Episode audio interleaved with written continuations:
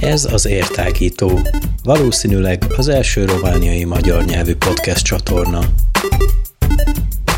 Mindenkit szeretettel köszöntök, a mikrofonnál Rupácsics Judit Csilla, és nem ülök itt egyedül a stúdióban, hanem nagyon kedves vendég jött ide hozzánk, és szeretettel köszöntöm dr. Szabó József neonatológust. Köszöntöm én is a kedves hallgatókat, köszönöm a meghívást.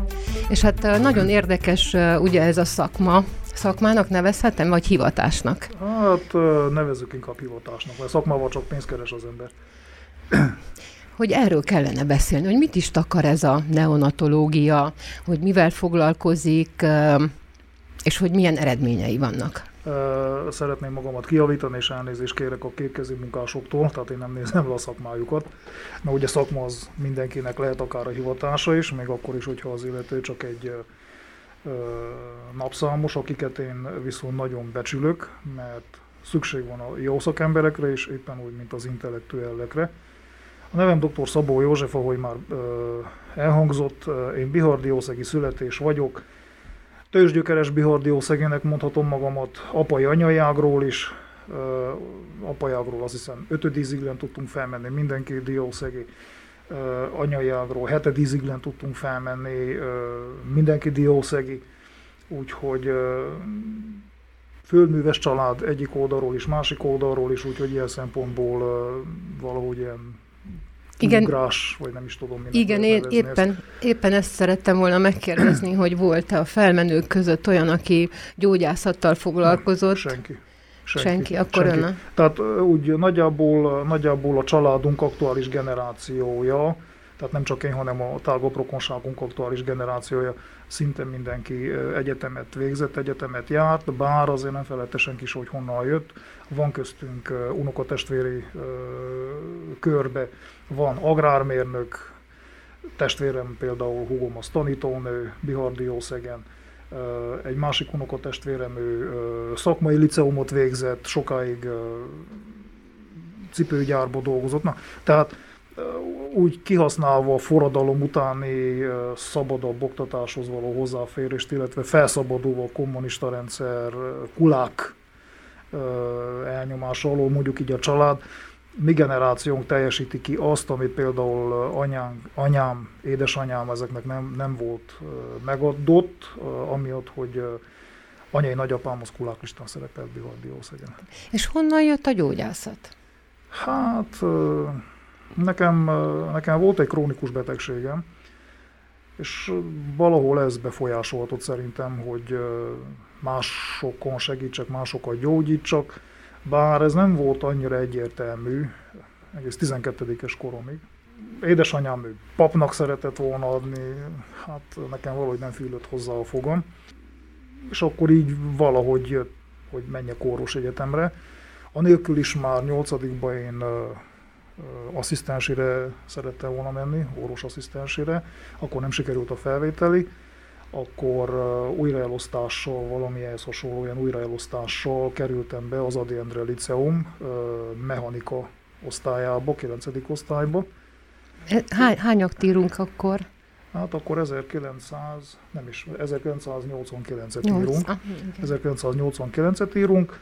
Jártam is 3-4 hónapot ebbe a mechanika osztályba, aztán ugye jött a forradalom, a Magyarós Liceum, ugye, akkor még Magyarós Liceum volt, az két fele vált, ugye az Aurel Lázerre, meg a mai Adjendre Liceumra, és akkor toborozták a magyar osztályokat 90 januárjában, hogy na akkor ki, hogy, mint, és akkor lehetőség volt rá, és átmentem biológia, kémia szakra, 9 tehát a 9 úgy folytattam már az új Adi Endre Liceum keretében, biológia, kémia szakon, és aztán majd továbbra is én voltam az utolsó generáció, akik még kellett felvételezünk 11-be.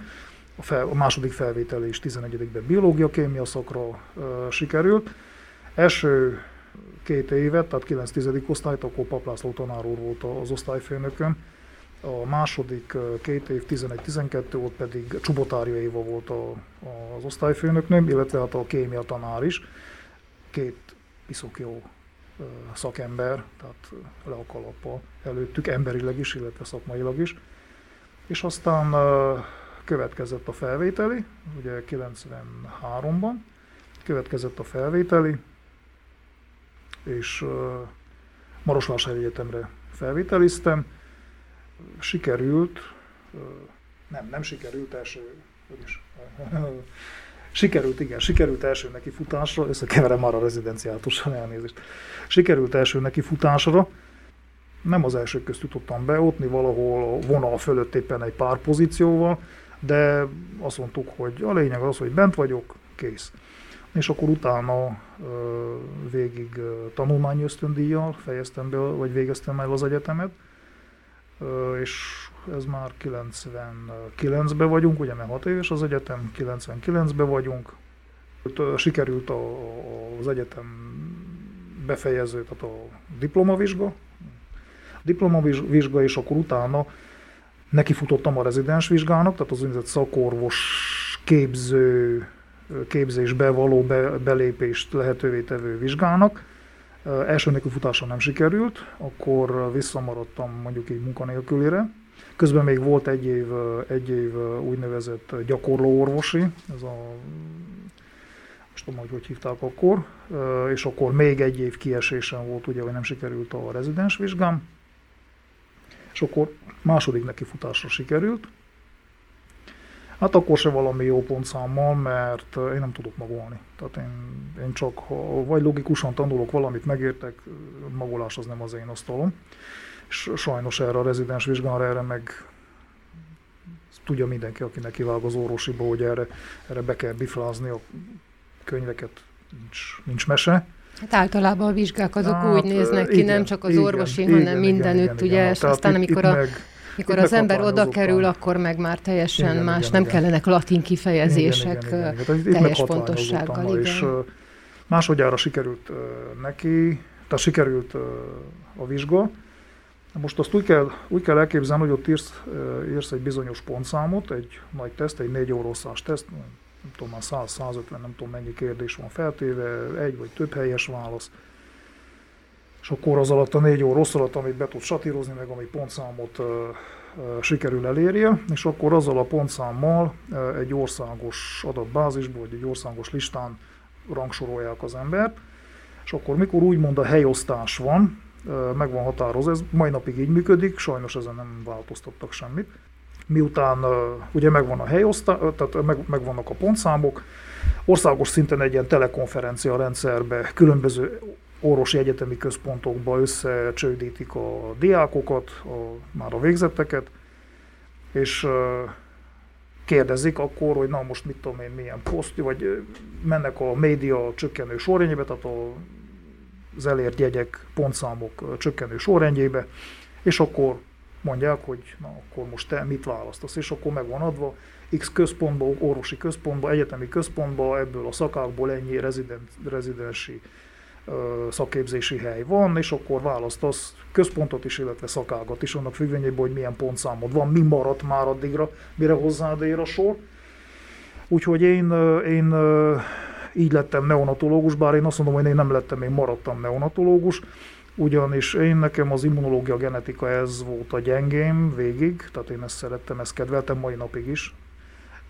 És hát mikor odaértem, tehát oda került rám a sor, a Nagyváradi gyermekkórházban volt talán egy rezidensi hely, még maradva gyermekgyógyász rezidensi hely, illetve volt még, azt hiszem, talán Jászba, Jászvásáron egy immunológus, allergológus poszt, illetve Kolozsváron talán egy genetika, hát ezek mind elfogytak. És akkor maradt még egy-egy neonatológusi újszülött gyógyászi hely, talán Marosvásárhelyen, meg Kolozsváron. Hát azt mondtam, hogy Vásárhelyből egy kicsikét elegem volt, messze van, mit tudom én, stb. Lássuk Kolozsvár, Kolozsvár nagyobb egyetemi központ, nem, nem csalódtam különben. És úgy lettem, úgy maradtam újszülött gyógyász Kolozsváron, újszülött gyógyász rezidens Kolozsváron, Na és akkor ugye ez megint még öt év távollétet jelentett az otthontól. Gyakorlatilag ez alatt a tizenakárhány év alatt nekem generációk estek ki az életemből, tehát én sok mindenkit Diószegen nem ismerek, engem sokkal több mindenki ismer Diószegen. Mai napig, mint azok közül, akik ez alatt az idő alatt kiestek. Hát akkor következett a Kolozsvári rezidens képzés, Első évben még sokat gondolkodtam neki, hogy vágjak-e neki, hát mit tudom én, de azt mondtam, én szeretem a gyerekeket, mondom, akkor nagy baj nem lehet. Na és én nem csalódtam, megmondom őszintén. Kolozsváron elkaptam még Lupia Julián professzort, aki gyakorlatilag a romániai újszülött gyógyászatnak az öregapja. Magyarul ez jó értelemben az öregapja. Bár egy eléggé nehéz természetű ember volt, én azt hiszem, hogy talán még megvan, és emiatt a bukaresti, meg többi egyetemi központok nődominanciája egy kicsikét kiközösítette őt, de én még elkaptam őt, és ő megkedveltette velem az újszülőgyógyászatot elméletileg is, úgyhogy én a végén maradtam újszülőgyógyász, amit mondom, mai napig nem bántam meg. Szeretem a gyerkőcöket, nem én vagyok csak az egyedüli újszülőgyógyász az országból, rajtam kívül, kívül még vannak nem egyen, nem egy, itt Bihar megyében is van még Rádugánál is kollégám Váradon, aki most a, a Váradi újszülött intenzív osztálynak a koordináló főorvosa. Mondjuk itt Bihar, megy, Bihar megyében ennyien vagyunk férfiak, ketten, igen, akkor. ketten, de van Kolozsváron is kollega, Temesváron is van, azt hiszem legalább egy vagy kettő uh-huh. férfi, úgyhogy azért nem éppen annyira nő dominanciájú. Bukarestbe is tudok nem egyet, tehát nem, nem éppen annyira nő dominanciájú ez a szakma, bár alapjából véve azért nő nők dominálják ezt a szakmát, talán nem is, nem is feleslegesen, vagy, vagy, vagy nem is a semmiért, ugyanis egy újszülöttnek a reakcióira azért egy kicsikét másképpen kell rezdülni, mint egy nagyobb gyereknek, vagy egy felnőttnek a tüneteire. Több odafigyelést igényel, és nem a semmiért például az újszülött osztályokon a középkáderek, tehát a kisegítő személyzet, illetve az asszisztensnők kizárólag nők.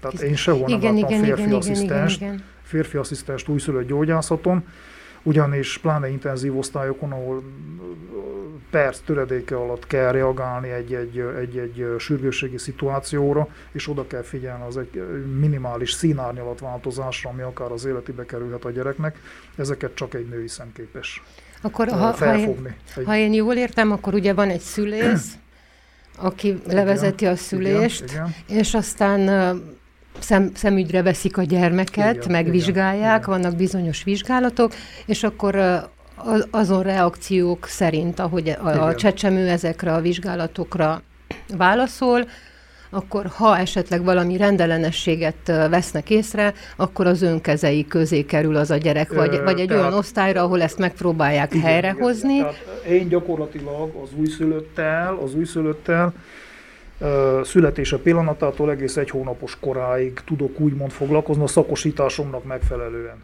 Nyilván az más tészta, hogy mint vidéki kórház, tehát mint kisvárosi kórház Margita, az egy, nem rendelkezik, tehát sok mindennel rendelkezünk. Ezt le kell szögezzem, hogy sok mindennel rendelkezünk, ezt akár egy külön riport lehet, hogy mi, mi minden újítást meg, meg dotálást sikerült megvalósítani az utóbbi két évben a Margitai kórházba.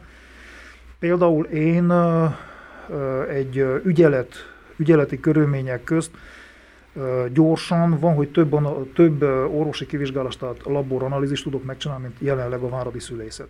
Az Mert ott az, ott az átszervezések miatt ott felszámolták az ő laborjukat, mit tudom, tehát egy kicsikét problémásabb nekik bizonyos laboranalíziseket megkapni.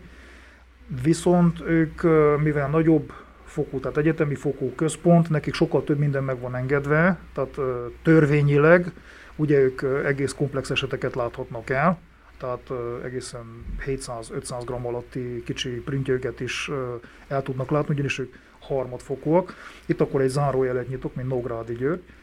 Tehát a Romániában az újszülött gyógyászati ellátórendszert, illetve a szülészet nőgyógyászati ellátórendszert ezzel párhuzamosan kompetencia szintekre, tehát kompetencia fokokra osszák, és akkor vannak úgynevezett elsőfokú, tehát ez a legalacsonyabb elsőfokú újszülőgyógyászati osztályok, másodfokú, illetve harmadfokú újszülőgyógyászati ellátóosztályok, szülészetekkel társul persze, és ezen e fölött vannak az úgynevezett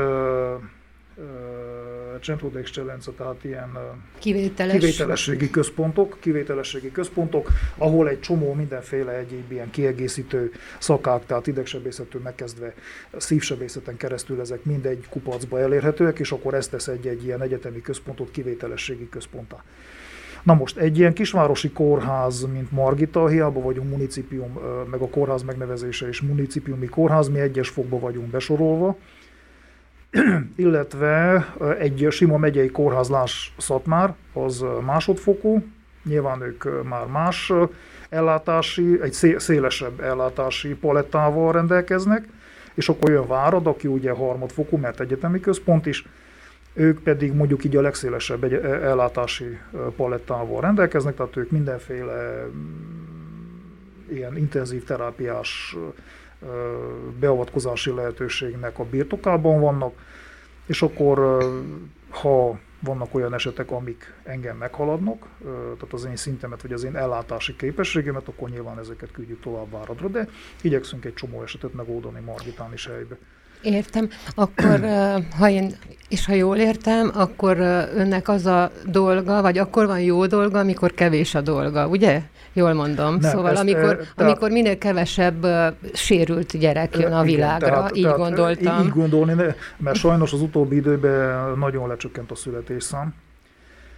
Egy ideig, egy ideig, míg a koronavírus járvány tartott, két éven keresztül, valamennyire paradox módon ez nekünk jó volt, ugyanis zár volt a magyar határ, és akik Debrecenbe járnak át szülni, amit nem tudom, hogy miért mennek oda, de hát ez az ő dolguk, akik Debrecenbe jártak át szülni, ugye azoknak nem lehetett, bár szerintem a kiskaput az is akkor, akkor is meg lehet az, aki akarta. Debrecenbe, akik addig mentek szülni, azok nem jöttek, vagy nem mentek, azok itthon maradtak, illetve azok is, akik nyugatra, nyugatra járnak dolgozni, mit tudom én, és akkor ugye terhességet is ott hordják ki, a szülés is ott történik meg. Ezek ugye nem nem történhettek meg akkor, és valahogy paradox módon stagnált a szüléseknek a száma, tehát nem csökkent itt nálunk a zónában, hanem 3-4 év óta nekünk egy 370 szülés per év körül stagnált a születéseknek a száma. Na most, ahogy megnyitották megint a határokat, ugye ennek az évnek az elején, egy országos tendencia az, hogy 15%-kal csökkent a születéseknek a száma, itt a mi zónánkban, legalábbis az én osztályomon 17%-os ez a csökkenés, tehát benne vagyunk mondjuk így az országos átlagban.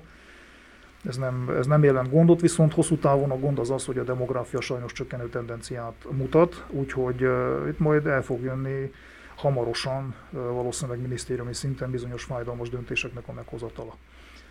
Tehát azt jelenti, hogy itt-ott, ott nem rentábilis újszülött osztályoknak a bezárása magyarul.